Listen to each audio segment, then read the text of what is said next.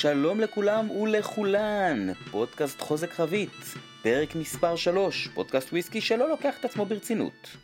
ולפני שאני מספר על מה אני הולך לדבר היום, תעשו לייק, תעשו דירוג מגניב כזה, תעשו איזה subscribe, תעשו share, תעשו כיף, תעשו משהו. alright, right.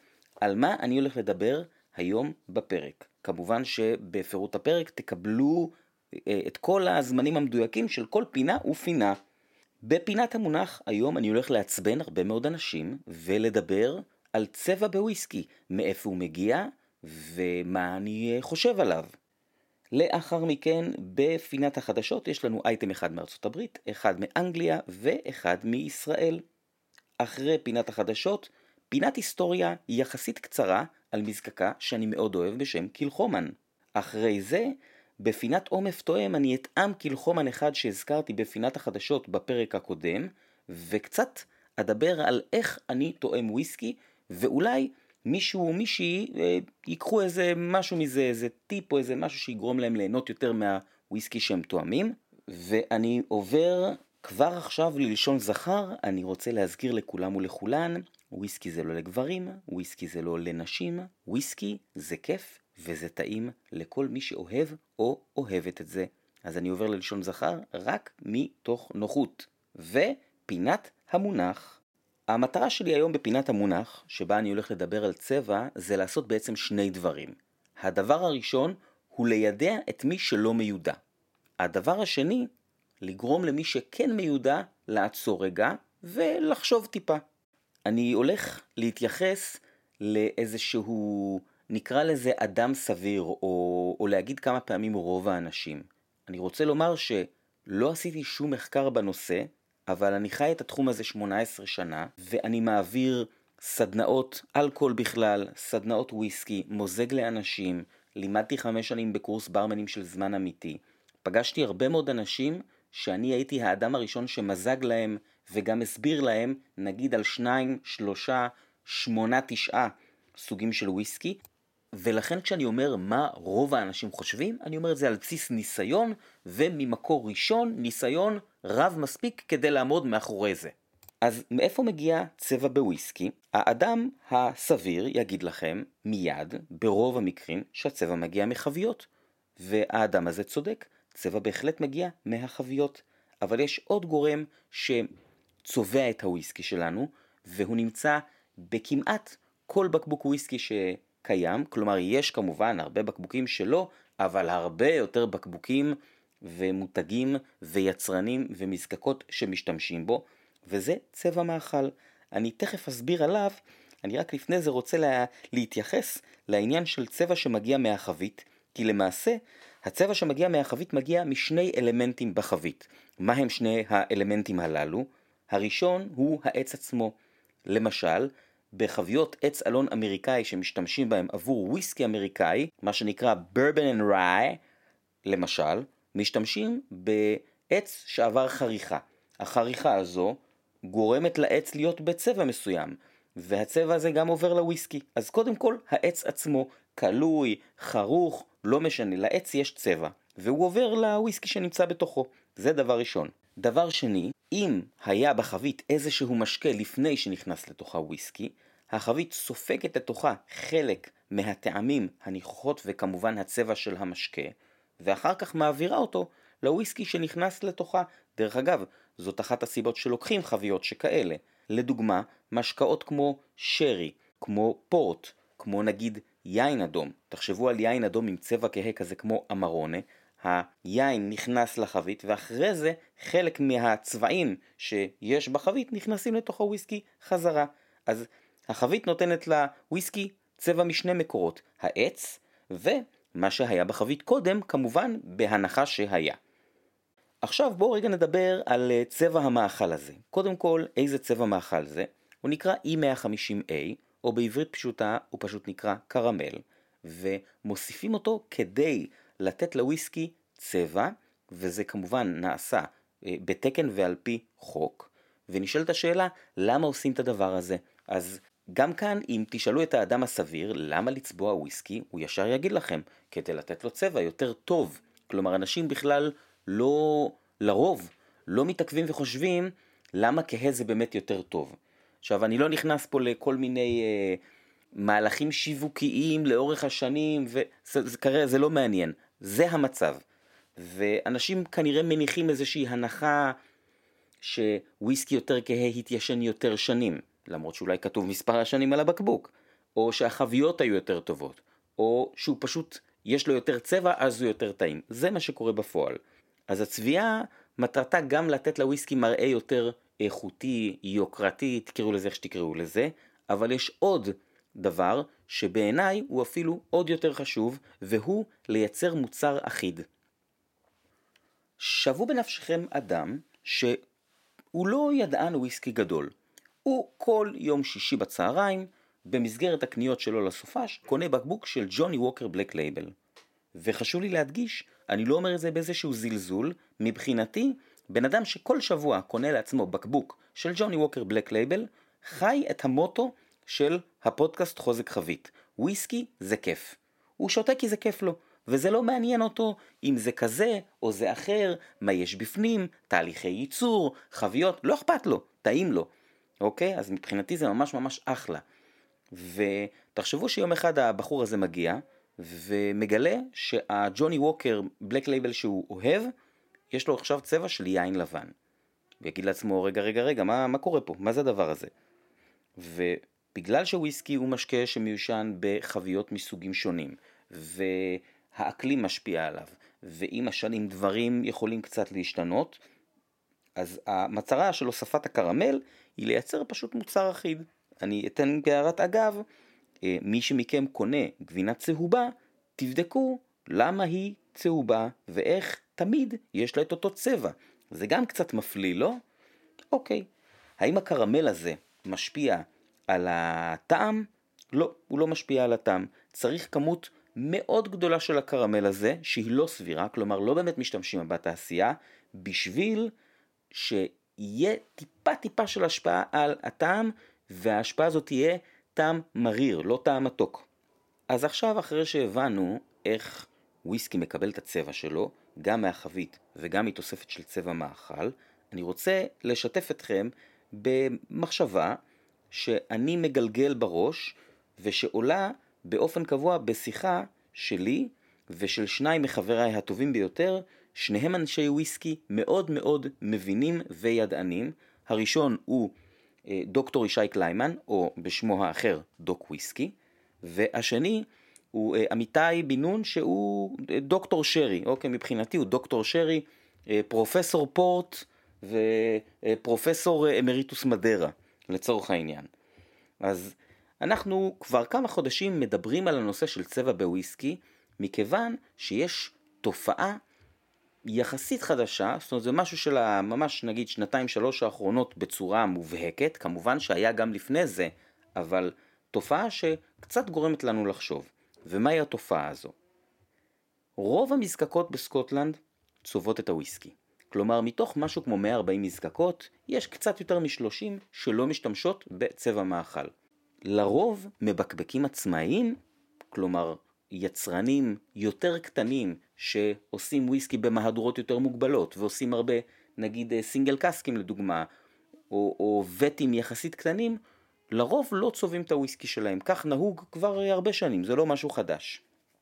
מה שחדש זה שבזמן האחרון אנחנו רואים יותר ויותר בקבוקים כאלה עם וויסקי שמצד אחד רשום עליו natural color כלומר לא הוסיפו לשם קרמל ומצד שני אנחנו רואים וויסקי עם צבע שנע בין קוקה קולה לנפט, בין כהה לאטום.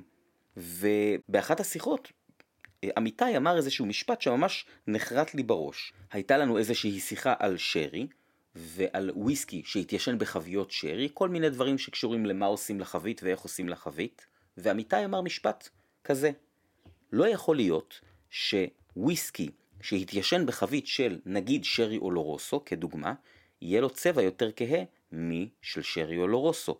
איך זה יכול להיות? זאת אומרת, כמה שרי, כמה צבע החבית יכולה לספוג לתוכה? גם אם היא ספגה 90% והיא הוציאה מתוך מה שהיא ספגה 90%, אנחנו עדיין, זאת, אנחנו קצת פחות, אז בואו נגיד שאנחנו באותו צבע, אבל יותר כהה, זה קצת, קצת מוזר, וזה בעיקר נהיה מוזר כשפתאום זה נהיה משהו שקורה באופן קבוע. כלומר, אני אומר, סבבה, נגיד, אני אתן דוגמה לוויסקי ששתיתי עם ישי פעם, בקבוק של אה, בן רינס בן 26, של מבקבק עצמאי שקוראים לו The Bottlers, שלהבנתי הוא כבר לא פעיל, חבר'ה שוויצרים אני חושב, והוא היה בחבית ריפיל שרי, והיה לו צבע כהה ויפה. אבל בתקופה ההיא הוא היה משהו די יוצא דופן. היום רואים את זה ממלא יצרנים. אז מה קורה שם? איך פתאום כולם מצליחים להוציא כזה צבע יפה מחביות?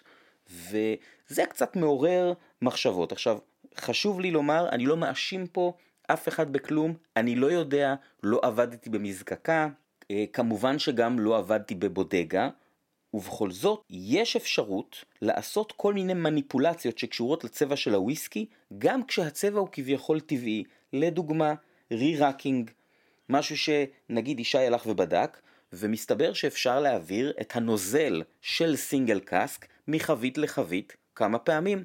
כלומר, כשאני אומר single cask, אני מתייחס לנוזל שבתוך החבית, לא לחבית עצמה.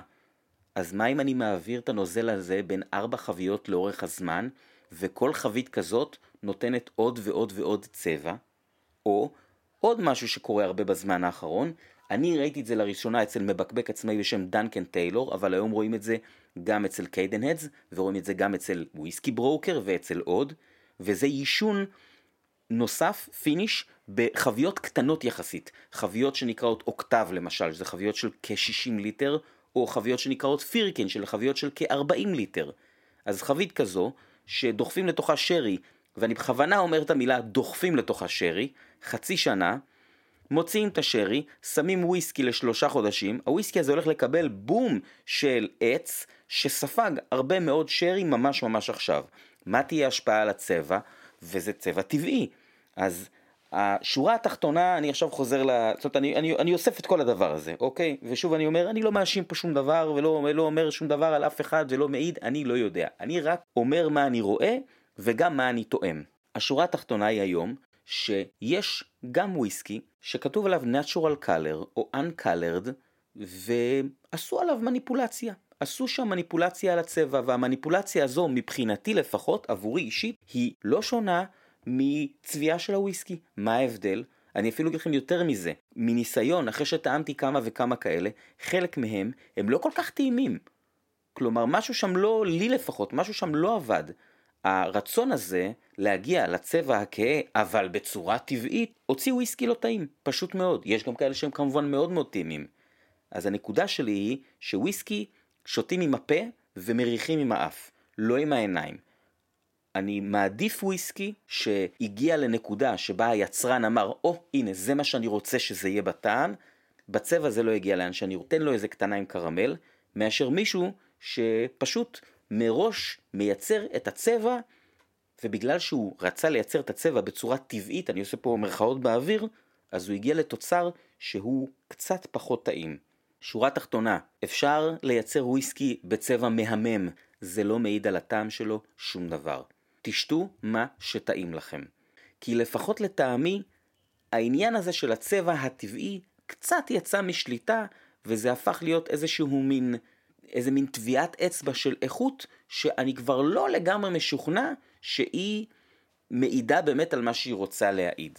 אז זו הנקודה, ואני רוצה להגיד תודה לישי ואמיתי על הזמן הזה שאנחנו כבר חודשים מדברים ומוציאים, ובסוף זה, אני, אני רק מביא לכם את הזיקוק של הדבר הזה אליכם. אז זו הייתה פינת המונח על צבע בוויסקי, ואנחנו עוברים לפינת החדשות. עם קשר ישיר לאייטם הראשון, שימו לב לזה.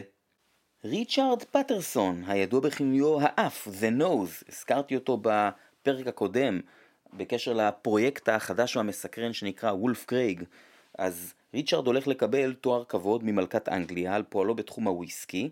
אה, יש שם איזשהו מין מסדר כזה שנקרא Order of the British Empire, אה, או בשמו המלא The Most Excellent Order of the British Empire, או משהו כזה.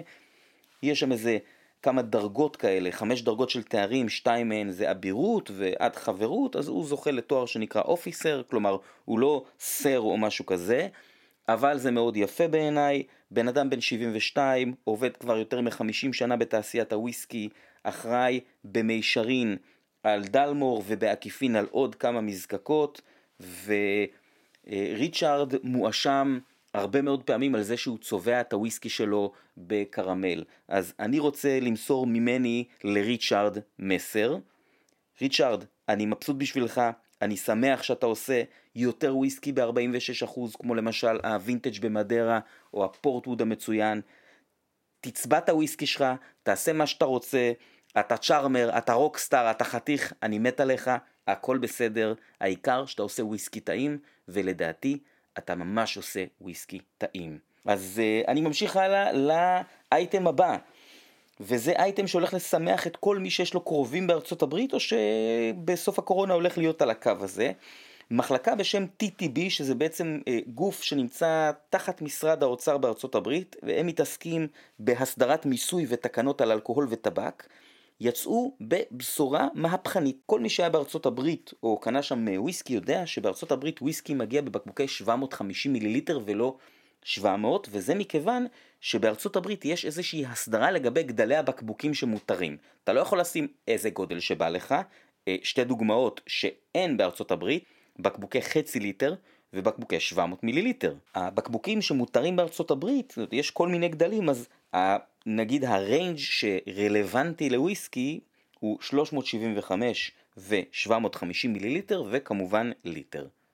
יש עוד איזה כמה מתחת ועוד כמה מעל. המשמעות היא שבמשך הרבה מאוד שנים היו מזקקות שנמנעו מלמכור בארצות הברית או נמנעו מלמכור את כל הריינג' שלהם ובטח מהדורות מיוחדות בארצות הברית. למה בעצם? בגלל שבשביל למכור בבקבוק 750 הן היו צריכות קו בקבוק שיוקדש לזה מבחינת תוויות אחרות ובקבוקים אחרים וזה לא תמיד משתלם עכשיו לעשות בקבוקי 750 רק בשביל ארצות הברית. אני מזכיר שזו גם מדינה שחוקי האלכוהול בחלק מהסטייטס הם אה, לא מקלים, אם זה בקשר למכירה וגם אם זה בקשר למשל למשלוחים או ליבוא או אחוזי אלכוהול או כל מיני דברים, אוקיי? אני מודה שאני לא מאוד מבין בזה, היו לי פשוט כמה התנסויות שהבנתי שהסיפור שם הוא לא פשוט. אז למעשה הסיפור הזה הולך להיגמר ואפשר יהיה לייצא מסקוטלנד ומאירלנד בקבוקי 700 מיליליטר לארצות הברית ממש כמו לכל מדינה אחרת. אני לא רוצה לתת פרשנות לדבר הזה, מכיוון שכבר היו כאלה שנבהלו ואמרו, אוי ואבוי, השוק האמריקאי שהוא שוק חזק, הולך לגמור לנו את הסחורה, והיו כאלה שמאוד מאוד שמחו, כי זה אומר שאנחנו נראה אה, יותר מהדורות מיוחדות. לדעתי, אני לא חושב שתהיה לזה הרבה השפעה, בגלל שבמיוחד אחרי שנת 2020, המזקקות צריכות עוד שוק גדול וחזק, זה יקל עליהן, ו... הם פשוט יצטרכו לייצר יותר, זה הכל. גם ככה נבנות עוד ועוד ועוד מזקקות, אז אני לא חושב שההשפעה פה תהיה השפעה יותר מדי רצינית על שאר העולם. אולי אני אתבדה. בכל אופן, מי שעל הקו לארצות הברית, או מי ששומע אותי מארצות הברית, יש כמה כאלה, אז תדעו לכם שבקרוב ההיצע שלכם הולך לגדול משמעותית. ואני עובר לאייטם הבא, והוא אייטם ישראלי, מבקבק עצמאי חדש נחת אה, בישראל, המבקבק הזה נקרא דראם מור, זה מבקבק יחסית חדש, לא מאוד מאוד ותיק, ממש עניין לדעתי של איזה שנתיים או משהו כזה שהם אה, קיימים. אתם תוכלו לראות את היבוא שלו באתר של היבואן, אתר שנקרא אלפאבית וויסקי. הוא גם מייבא את Rest and Be Thankful, והגיעו שישה ביטויים של Dràm Mòr, בעיניי המסקרן ביותר הוא Tomintoul בן 15 בחבית refill sherry שקיבלה finish של 4 חודשים ב Sauternes, אני כבר אמרתי ואני אגיד עוד פעם ועוד פעם, אני אוהב חביות יין לבן. מכל הסוגים והמינים, כן קינוח, לא קינוח, מבעבע, לא מבעבע. יין לבן, זה נכנס לי לפה. אני רוצה לציין שאני לא טעמתי עדיין אף אחד מהם, ולכן אני לא יכול להמליץ, אבל האדם מאחורי דרמור, או אה, אחד מהאנשים, בהחלט אחד מהחשובים, מאחורי המותג הזה, קוראים לו קני מקדונלד, וקני עבד הרבה שנים בגלן גוין, הוא עובד ב-Ian Macleod באופן כללי, אני פגשתי אותו בארץ כשהוא אה, הגיע ל-Whisky Live האחרון שהיה, הוא העביר בטרוויץ סדנה על Tamdhu, ויום אחרי זה הייתי בעוד סדנה שלו על Tamdhu ב-Whisky Live. זה קודם כל בן אדם מקסים, ודבר שני, בן אדם שיודע וויסקי, בן אדם שיודע וויסקי כי הוא ייצר וויסקי. אני בעיניי זה הבדל די גדול. אז אה, אני מאוד סקרן, אני ברגע שאני אטעם משהו מדרם מור, אני כמובן אעדכן אתכם. ואנחנו עכשיו נעבור לפינת ההיסטוריה. היום בפינת ההיסטוריה אני עוסק במזקקה שיש לה היסטוריה יחסית קצרה, אבל מכובדת מאוד, ומזקקה שממש עשתה, אה, אתם תכף תראו, אבל בגדול יש שם איזשהו, איזה שתי נקודות זמן כאלה שיש עשר שנים ביניהן, שבעיניי זה, אני מסתכל על זה מהצד ופשוט בא לי למחוא להם כפיים. אז ככה, המזקקה הזאת היא Kilchoman. ו-Kilchoman היא המזקקה הראשונה שהוקמה אה, באיילה בתחילת המילניום, התחילו להקים אותה ב-2002, למעשה היא המזקקה הראשונה שהתחילו להקים באיילה מ-1881, שאז הקימו את Bunnahabhain ואת Bruichladdich. המזקקה הזאת הוקמה על ידי בחור בשם אנטוני ווילס, הוא בעצם שכר מבנה בחווה בשם Rockside במערב איילה, ובנה בתוכה מזקקה קטנה שהיה בה מלטינג אה, פלור קטן, היו שני דודי זיקוק, ובשנת 2005 הוא מתחיל לזקק. הניומק שלהם מיד משך תשומת לב של כל מביני הוויסקי, בלוגרים, מבקרים וכן הלאה וכן הלאה. הם גם הוציאו ביקבוק של נוזל בן שנתיים שעוד אי אפשר לקרוא לו כמובן וויסקי, ומ-2009 הם התחילו לבקבק וויסקי, כש...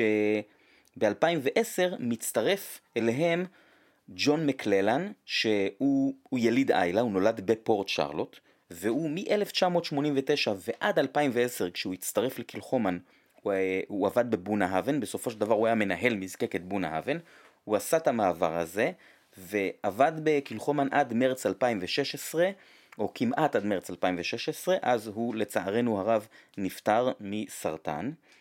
ובעצם בזמן הזה שהוא עבד שם קילחומן התחילה להוציא וויסקי, בהתחלה היא הוציאה סינגל מלט בן שלוש, אני טעמתי קילחומן בחבית אה, אה, אקס בורבון בן שלוש שהיה פשוט מדהים, כבר בגיל שלוש התזקיק הזה הוא ממש ממש מראה אופי ומורכבות ובגרות שאני לא נתקלתי בדבר כזה במזקקה אחרת בגילאים כל כך צעירים. והוציאו ב-2011 את ה-100% איילה הראשון שלהם, 100% איילה זו מהדורה של single farm whisky, שבעצם עשוי משעורה שגדלה בחוות Rockside שבה המזקקה אז אה, ישבה, תכף אני אסביר למה אמרתי אז, ונעשה ב-malting floor שלהם, את רוב השעורה הם קונים מ-Port Ellen, ממלטטת Port Ellen, ובעצם מ-2012 הם מוצאים את הבקבוקים הרגילים שלהם, את. התחילו לייצר בעצם core range, כשהראשון היה המאכיר ביי, שבעיניי הוא הטוב ביותר מה-core range שלהם, ב-2013 לוך גורם בחביות שרי, וב-2016 יצא הסנאיג שהוא בשרי ובורבון יותר שרי, יצא כמהדורה מיוחדת לשוק הצרפתי, שנה אחרי זה הפך להיות חלק מה-core range שלהם. וכמובן שמעבר לביטויים הרגילים הללו הוציאו הרבה מאוד סינגל קאסקים, batch ים אה, קטנים, כל מיני vat ים של כמה חביות, הרבה מהדורות מיוחדות, וההצלחה שלהם הייתה מאוד גדולה. כמה גדולה הייתה ההצלחה? אני מזכיר, מזקקה שהתחילה לזקק ב-2005, דרך אגב גם הייתה שם איזו שריפה קטנה ב-2006 שקצת עצרה אותם, 2015, עשר שנים אחרי שיצאה משם טיפת הנוזל הראשונה מהדוד, הם קונים את כל חוות Rockside, כל המבנים וכל האדמות. בעיניי, אני מסתכל על זה, עזבו עכשיו וויסקי, מסתכל על זה כבעל עסק מהצד, זה פשוט מדהים, בלי לדעת כמה עלתה החווה. אני בטוח שב-2015, אחרי שכבר הבום הגדול של הוויסקי היה, לקנות כזה שטח אדמה באיילה, זה לא עניין של כמה פאונד בודדים. ב-2018 וב-2019 בעיקר נעשו שם עבודות והמזקקה בעצם הכפילה את יכולת הייצור שלה היא אה, בנתה still house חדש שזהה לראשון. יש איזה ראיון עם אה, אנטוני ווילס הבעלים של המזקקה, שאומר שהוא לא רצה להרחיב את ה-still house, לא רצה לשנות שום דבר, הוא אמר אני רוצה להשאיר את הדברים בדיוק כמו שהם, אז פשוט בניתי עוד אחד, אותו דבר. יש לה היום גם שני malting floor, זה בעצם ממצב שבו היא הייתה מייצרת קצת יותר מ-200 אלף ליטר בשנה, שזה ממש ממש קטנצ'יק, היום, אחרי ההרחבה, היא מייצרת כבר קרוב לחצי מיליון ליטר new make בשנה, לאחרונה הוציאה גם ביטויים לא מעושנים בכלל של Kilchoman. דבר אחרון שחשוב לציין על המזקקה הזו, שגם מתבטא קצת במחירים של הבקבוקים שלה שהם בהחלט, הם לא יקרים אבל הם בהחלט לא זולים, זו מדיניות העץ שלהם, אוקיי? ה-sourcing של החביות. בגדול, אנטוני ווילס כנראה למד מ... או היה בקשר עם, או דיבר עם אה, ג'ים מקיואן מ-Bruichladdich לשעבר, היום מ-Ardnahoe, וג'ים מקיואן אומר שהחביות הכי טובות, חביות ה-ex bourbon הכי טובות בארצות הברית מגיעות ממזקקת Buffalo Trace. ו-Kilchoman עובדים עם Buffalo Trace, החביות ex bourbon שם הן ברובן המכריע, אולי אפילו כולן משם. מבחינת שרי, הם עובדים עם חביות מבודגה בשם חוזה מיגל מרטין. זו הייתה פינת ההיסטוריה שהייתה יחסית היסטוריה קצרה, אך בהחלט היסטוריה מרשימה של מזקקת קילחומן. דרך אגב, יש לומר קילהומן, אבל כמו שצריך להגיד קולילה, ואני תקוע עם קאולילה, אז מה שמשנה זה האם הוויסקי טעים, ותכף תראו שבעיניי הוויסקי בהחלט טעים. אני עובר לפינת עומף תואם. היום בפינת עומף תואם אני הולך לספר לכם על קילחומן אה, פינו שרי קאסק שסיפרתי עליו בפינת החדשות בפרק הקודם, אז טעמתי אותו כמו שהבטחתי, אני אספר מה שאני חושב עליו, ולפני כן אני רוצה להתייחס לכל מיני פניות שקיבלתי בקשר לאיך נכון לשתות וויסקי. תראו, אני רוצה פה, מה שנקרא, אני בא ומודה. את הפינה הזאת הקלטתי בלי להגזים 15 פעם, ולא הצלחתי לברוח מזה שזה יצא טרחני וקצת משעמם. אז מה שהחלטתי שאני עושה, בכל פינת עומף תואם מעכשיו אני אתן איזושהי עצה או טיפ, או אני אספר על מנהג שלי כשאני שותה וויסקי, ומי שרוצה לאמץ, יאמץ, ועל הכיפאק. מי שלא, זה גם על הכיפאק.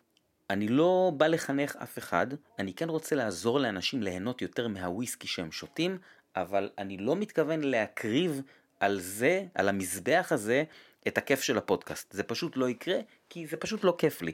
ובאמת באמת שניסיתי, יצא שדיברתי איזה 40 דקות על איך אני שותה וויסקי, תאמינו לי, אני כמעט תליתי את עצמי בחדר.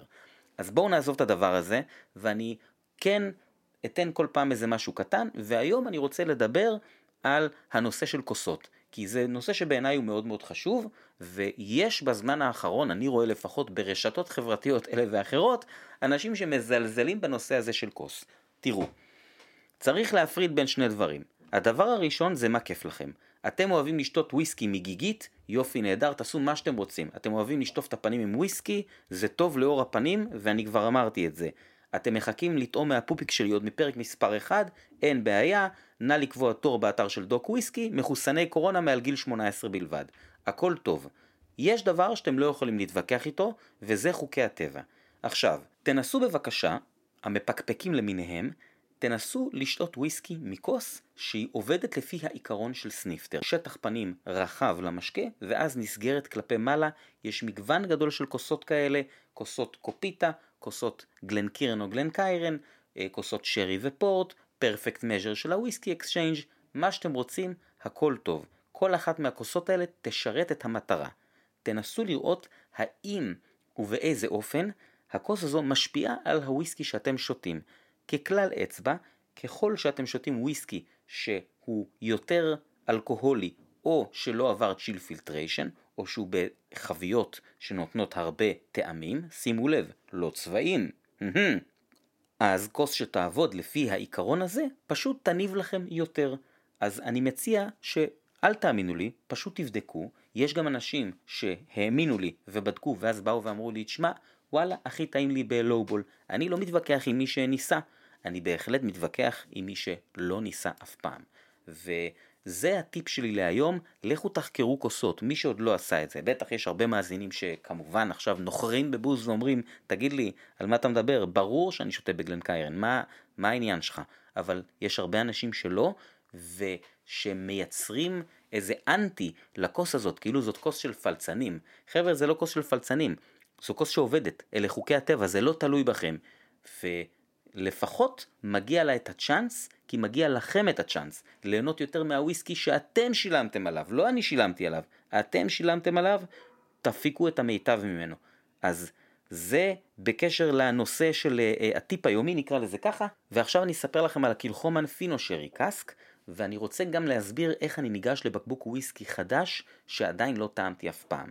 מה שאני עושה, אני בעצם מוזג, איך שאני פותח את הבקבוק, אני מוזג שתי כוסות, לכל אחת בערך 30 מיליליטר, מוסיף לאחת מהכוסות קצת מים, כמה זה קצת, תלוי באחוז האלכוהול של הוויסקי, נגיד במקרה הזה 46%, הוספתי 4-5 טיפות מים. ואז אני תואם את הוויסקי גם מיד לאחר המזיגה והוספת המים במקרה של הכוס עם המים, ואני נותן לו עוד כמה טעימות לאורך הזמן. מה המטרה של המנהג הזה? זה אולי נשמע קצת מטופש, או כאילו אני עובד בשביל הוויסקי, בדיוק ההפך מזה. מה שאני בעצם עושה, זה לבדוק איך אני הולך ליהנות מהבקבוק הזה בצורה האולטימטיבית. יש לי בקבוק חדש, יש לי 700 מיליליטר או 750 או ליטר, לא משנה, אז אני מקריב את ה-60 מיליליטר הראשונים כדי להבין מה הדרך הכי טובה לצרוך את הבקבוק הזה, כמובן שזה עבורי. אני יכול לומר לכם שאחרי ששיחקתי עם הקילחומן פינו שרי קאסק במשך יותר משעה, אני יודע שעבורי בלי מים הוא עדיף על מים, ואני מעדיף אותו בערך רבע שעה, עשרים דקות, חצי שעה ככה, מרגע שמזגתי אותו לכוס. אז אני יודע שמהבקבוק שאני קניתי, אוקיי, בסדר, אני מודה, האמת היא שקניתי שניים, אה, כי אני מאוד אוהב אה, שרי פינו, אז אני הולך ליהנות ממנו בצורה הטובה ביותר. אני ממקסם כל שקל שאני שם על וויסקי, זה כל הסיפור. אז מה בעצם היה בקילחומן הזה? אז מה שאני אומר לכם עכשיו הוא כמובן רק בנקודת זמן הזו שהיא מבחינתי הטובה ביותר. אני מניח שכל אחד ימצא נקודה קצת שונה, אבל בגדול הטעמים הם הטעמים. תראו, הקילחומן הזה הוא סינגל מלט די צעיר, אין עליו הצהרה של גיל, הוא ב-46% אלכוהול, זאת מהדורה של 10,500 בקבוקים, ומתוך החביות, בעצם יש שם 11 חביות שרי פינו ממיגל מרטינה, בודגה שאיתם הם עובדים, ב-11 חביות שהן חביות חדשות, פרסט פיל, ועוד חבית אחת שהיא ריפיל, כבר השתמשו בה קודם. והוויסקי הזה הוא כל מה שאני רציתי שהוא יהיה.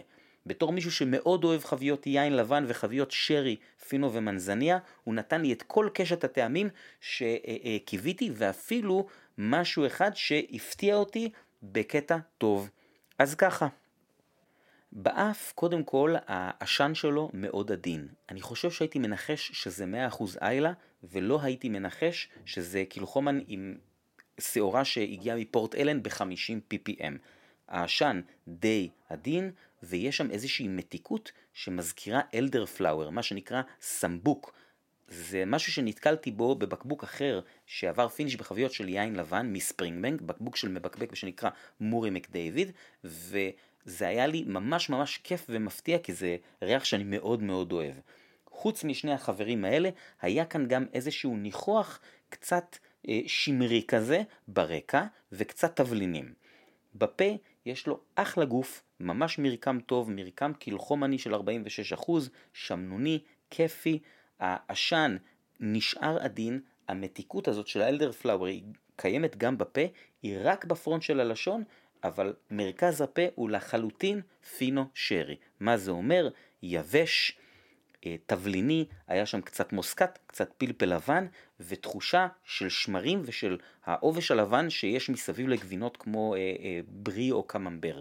ממש ממש תענוג, זה כל מה שאני רציתי. אני בהחלט לא חושב שזה וויסקי שכל אחד יאהב, אה, למרות שהמתיקות הזאת כן יכולה לעזור בתחום הזה, אבל הוא מאוד מוצלח, הוא ממש אה, אה, הדגמה טובה של איך חבית שרי פינו יכולה לעבוד טוב עם עשן, ובמחיר של בין 440 ל-480 שקלים, אני לחלוטין ממליץ עליו ומאוד שמח שקניתי שניים. כי אני לא יודע מתי הם יוציאו אה, אה, עוד וויסקי כזה, ולמען האמת, וויסקי בחביות פינו זה לא דבר שהוא מאוד מאוד נפוץ, בטח לא כזה שמגיע לארץ. אז זהו להיום, קילוחומן, אה, פינו שרי קאסק, מומלץ בהחלט. תודה רבה שהאזנתם, נתראה בפרק הבא של חוזק חבית.